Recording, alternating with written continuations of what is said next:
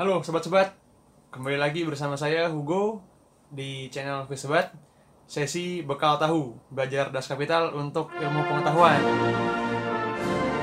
Oke teman-teman, hari ini kita bakal bahas langsung ke bab 1 section 1 nih. Kalau sebelumnya kita udah bahas pengantarnya nih ya teman-teman ya pengantar das kapital. Hari ini kita bakal bahas sedikit kita senggol sedikit buat teman-teman yang udah pernah baca mungkin ini sebagai uh, sarana untuk mereview lagi teman-teman ya menyegarkan ingatan tentang Das Kapital buat teman-teman yang belum pernah baca saya akan coba uh, ringkas sedikit supaya teman-teman uh, lebih mudah nanti membaca sendiri memulai membaca Das Kapital saya di sini menggunakan sumbernya buku Das Kapital terbitan um, Penguin teman-teman ya Penguin klasik kalau teman-teman punya yang versi Oxford yang baru atau punya versi Moskow atau versi Ohaijun yang bahasa Indonesia boleh silakan pakai aja. Hmm, kurang lebih sama hanya mungkin berbedaan cara tulis atau bahasanya aja.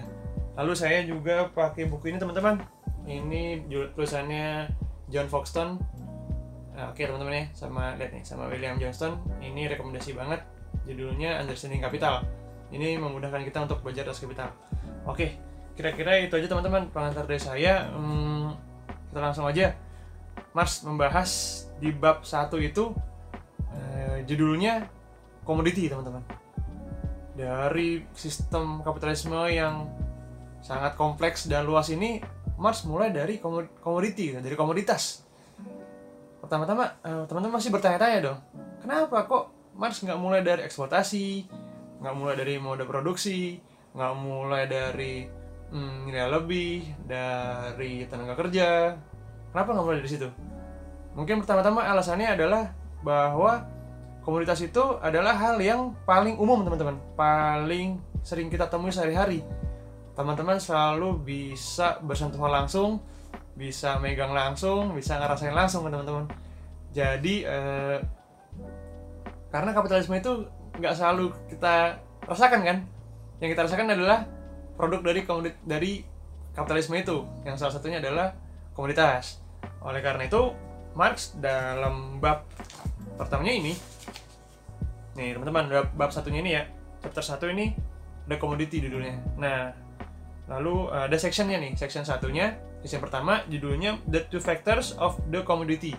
Atau artinya adalah um, apa ya um, unsur dua unsur yang ada di dalam komoditi Terus di sini ada tulisannya ya, use value and value, substance of value, magnitude of value. Jadi uh, nilai guna dan nilai. Lalu dalam kurung nih, substansi dari nilai dan kondisi apa ya, keadaan dari nilai itu sendiri itu teman-teman. Oke, okay. jadi uh, saya pertama-tama akan menjelaskan bahwa nilai apa komoditas ini uh, kita harus bedakan dulu teman-teman harus bedakan yang namanya barang dan komoditas. Pertama-tama karena nggak semua barang itu adalah komoditas dan nggak semua komoditas itu adalah barang. Nah, gimana tuh contohnya tuh? Misalnya eh, batu atau kayu yang ada di hutan gitu, yang dari zaman Jurassic ada di situ terus, eh, itu merupakan barang kan teman-teman, tapi bukan komoditas menjadi komunitas sampai diolah sama manusia lalu diperjualbelikan. Itu adalah barang tapi bukan komoditas. Sedangkan komoditas tapi bukan barang, apa tuh? Nah, contohnya jasa, teman-teman ya. Jasa itu kan bukan barang ya. Nah, itu itu ntar kita akan bahas lebih lanjut, tapi teman-teman harus bedakan dulu yang, eh, yang namanya barang dan jasa ya. Itu teman-teman harus dibedakan. Oke? Okay? Selain itu teman-teman juga harus um, melihat bahwa sesuatu yang ada di depan mata teman-teman itu belum tentu nyata seperti yang ada eh, seperti esensinya gitu. Esensi dari sesuatu, sesuatu itu belum tentu sama seperti yang kita lihat.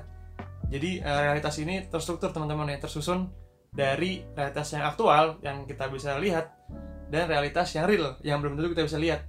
Tapi itu ada gitu. Jadi sesuatu yang nggak kelihatan itu belum tentu nggak ada. Oke untuk mengetahui yang empiris itu kita kan hanya bisa kita bisa lah memegang bisa melihat ya teman-teman ya karena aktual. Sedangkan yang yang real kita harus cari itu lewat studi atau lewat analisis teman-teman. Oke. Pertama-tama teman-teman komunitas itu uh, memiliki prasyarat gitu.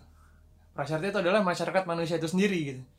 Di dalam uh, kelompok babon atau kelompok uh, simpanse itu nggak ada komunitas komunitas ini bergantung dengan masyarakat yang ada di dalam uh, masyarakat kapitalisme ini mode produksi kapitalisme.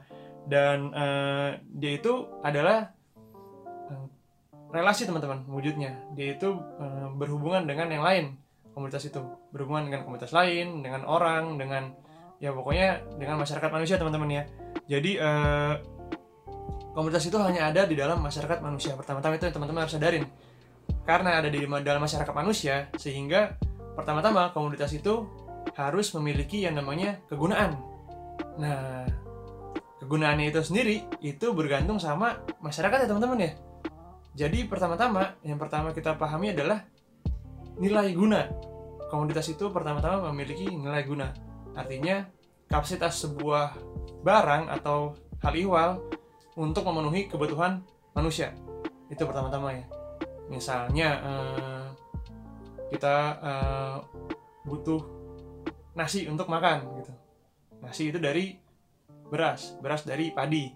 Itu teman-teman ya. Nah, jadi padi itu punya nilai guna untuk manusia. Lalu contohnya kita ambil uh, itu beragam teman-teman ya, karena nggak semua orang makan makan nasi kan gitu ada juga yang makan sagu ada juga yang makan roti ya teman-teman ya jadi uh, nilai guna itu dikondisikan oleh di mana masyarakat itu berada. Yang saya ambil contoh misalnya uh, daging babi di masyarakat Minahasa yang rata-rata eh di masyarakat Minangkabau maksud saya itu yang rata-rata beragama Islam itu uh, daging babi tidak bernilai. Berbeda ketika daging babi di Tapanuli Utara atau di Minahasa itu baru bernilai teman-teman ya. Jadi nilai itu dikondisikan oleh kebudayaan dari masyarakat itu sendiri. Dan itu beragam teman-teman ya. Jadi nilai-nilai itu adalah konstruksi sosial. Itu dibikin oleh masyarakat tertentu. Lalu selain punya nilai guna, komunitas itu juga harus memiliki nilai tukar teman-teman. Nilai tukar itu apa? Gitu. Nilai tukar itu uh, kapasitas dari sebuah barang atau sebuah benda untuk ditukarkan dengan barang yang lain. Nah, ini sifat kedua dari hmm, dari uh, komunitas itu sendiri gitu dia itu harus dia itu diproduksi untuk dipertukarkan gitu untuk ditukarkan dengan sesuatu yang lain gitu kan teman-teman. Kita hanya bisa tahu gitu nilai tukar dari barang A hanya ketika barang A itu dihadapkan dengan barang B misalnya. Itu teman-teman ya. Jadi Marx suka mencontohkan nih teman-teman ya di dalam tulisannya bahwa nilai A sama dengan 2B misalnya contohnya nih. Atau di tulis A sama dengan 2B nah jadi nilai tukar yang ada di A itu hanya bisa terlihat jika disandingkan dengan 2B ini gitu. Tapi ini yang biasanya kita suka bingung teman-teman. Yang suka uh, keliru dari teori teori-teori ekonomi klasik Adam Smith dan David Ricardo. Apa yang membedakan Marx dengan teori-teori ekonom uh, klasik tersebut? Yaitu kuncinya ada di nilai teman-teman. Jadi kalau uh, ekonom klasik itu hanya melihat bahwa nilai itu uh, hanya muncul ketika ditukarkan gitu kan Mars bilang bukan begitu. Yang muncul di saat pertukaran itu adalah nilai tukar. Sedangkan A tanpa mesti disandingkan dengan 2B tadi dengan barang B tadi itu sudah punya nilai di dalam A itu sendiri. Pertanyaannya dari mana nilai itu kan? Mars menjawabnya dengan dari kerja teman-teman. Curahan kerja yang uh, dalam waktu dalam kondisi atau dalam rentang waktu tertentu yang mewujud ke dalam barang atau benda A tersebut.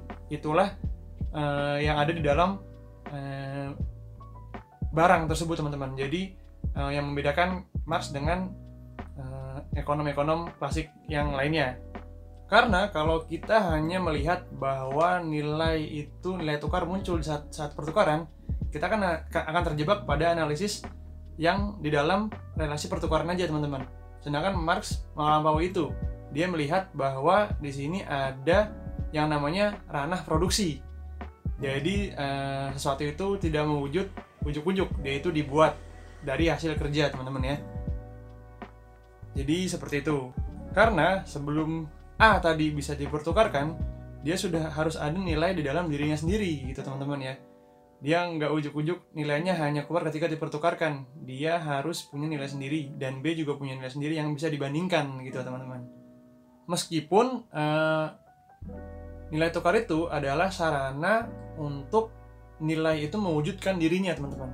Jadi nilai tukar itu adalah pantulan dari nilai itu sendiri. Jadi eh, nilai itu adalah basis dari nilai tukar. Dan nilai tukar hanya pantulan dari nilai itu sendiri. Oleh karena itu Marx di sini menjelaskan di judulnya ini dua elemen yang ada di komunitas yaitu nilai guna dan nilai. Lalu Marx melanjutkan teman-teman bahwa di sini dia menjelaskan hmm, syarat dari nilai itu apa? Tentu saja dari curahan tenaga kerja teman-teman. Di sini dia nulis The magnitude of value of commodities is determined by the socially necessary labor time of their production.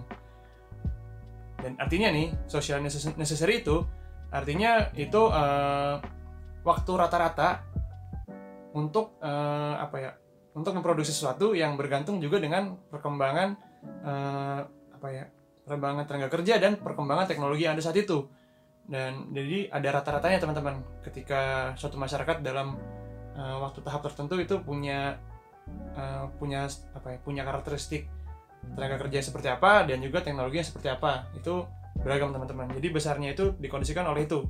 Itu akan kita bahas nanti di sesi selanjutnya. Lalu uh, saya bisa simpulkan jadi kalau teman-teman nanti mau baca lagi komoditi itu punya tiga wujud ya teman-teman. Ada ada nilainya di komunitas gitu. Komunitas itu ada nilai guna satu ada nilai tukar dan nilai itu sendiri. Nilai guna itu uh, apa ya ber, uh, manfaat sesuatu gitu manfaat barang untuk uh, hidup kita. Sedangkan nilai tukar itu mewujud ketika barang itu dihadapkan dengan barang yang lain. Namun nilai tukar itu adalah pantulan dari yang namanya nilai itu sendiri yang mana datangnya dari kerja manusia. Jadi kalau di sini teman-teman uh, udah mulai paham sedikit uh, bisa langsung baca teman-teman ya. Jadi uh, nilai-nilai ini uh, sifatnya itu nggak kelihatan teman-teman abstrak. Dia itu hanya bisa diketahui lewat studi teman-teman ya. Oleh karena itu teman-teman bisa kita simpulkan lagi. Nggak semua barang itu adalah komoditas dan nggak semua komoditas itu barang. Udara yang kita hirup ini uh, punya nilai guna gitu kan teman-teman ya. Punya tapi bukan komoditas. Atau misalnya uh, pacar teman-teman atau orang tua teman-teman beliin teman-teman hadiah gitu. Barang yang teman-teman simpan hadiah itu itu bukan komoditas. Karena itu uh, hadiah. Jadi sifatnya relasional aja teman-teman. Uh, relasi sosial ya tapi ketika teman-teman beli barang yang sama beli ya gitu ke tokonya itu komoditas karena memunculkan nilai tukar. Namun ketika barang itu dikasih oleh pacar atau oleh orang tua teman-teman sebagai hadiah ulang tahun itu bukan komoditas. Namanya hadiah gitu teman-teman gift ya. Nah jadi kira-kira uh, seperti itu teman-teman uh, pembahasan kita kali ini. Kalau teman-teman masih ada yang bingung bisa langsung tulis di komen di bawah ya pertanyaan-pertanyaannya nanti mungkin bisa saya jawab sedikit itu saja dari saya teman-teman dari pembahasan soal uh, bab chapter 1 dan section 1 selanjutnya kita akan ketemu lagi uh, kalau bisa nanti kita bisa ketemu langsung jika wabah corona ini sudah selesai. Uh, semoga cepat berlalu teman-teman ya. Semoga teman-teman sehat terus. Selamat menjalankan ibadah puasa buat teman-teman yang menjalankan. Semoga kita bisa ketemu dalam waktu dekat. Dari saya, Hugo, uh, pamit dulu. Kita ketemu di sesi selanjutnya. Oke, okay. pekerja sedunia, buruh sedunia, satulah. Sampai jumpa.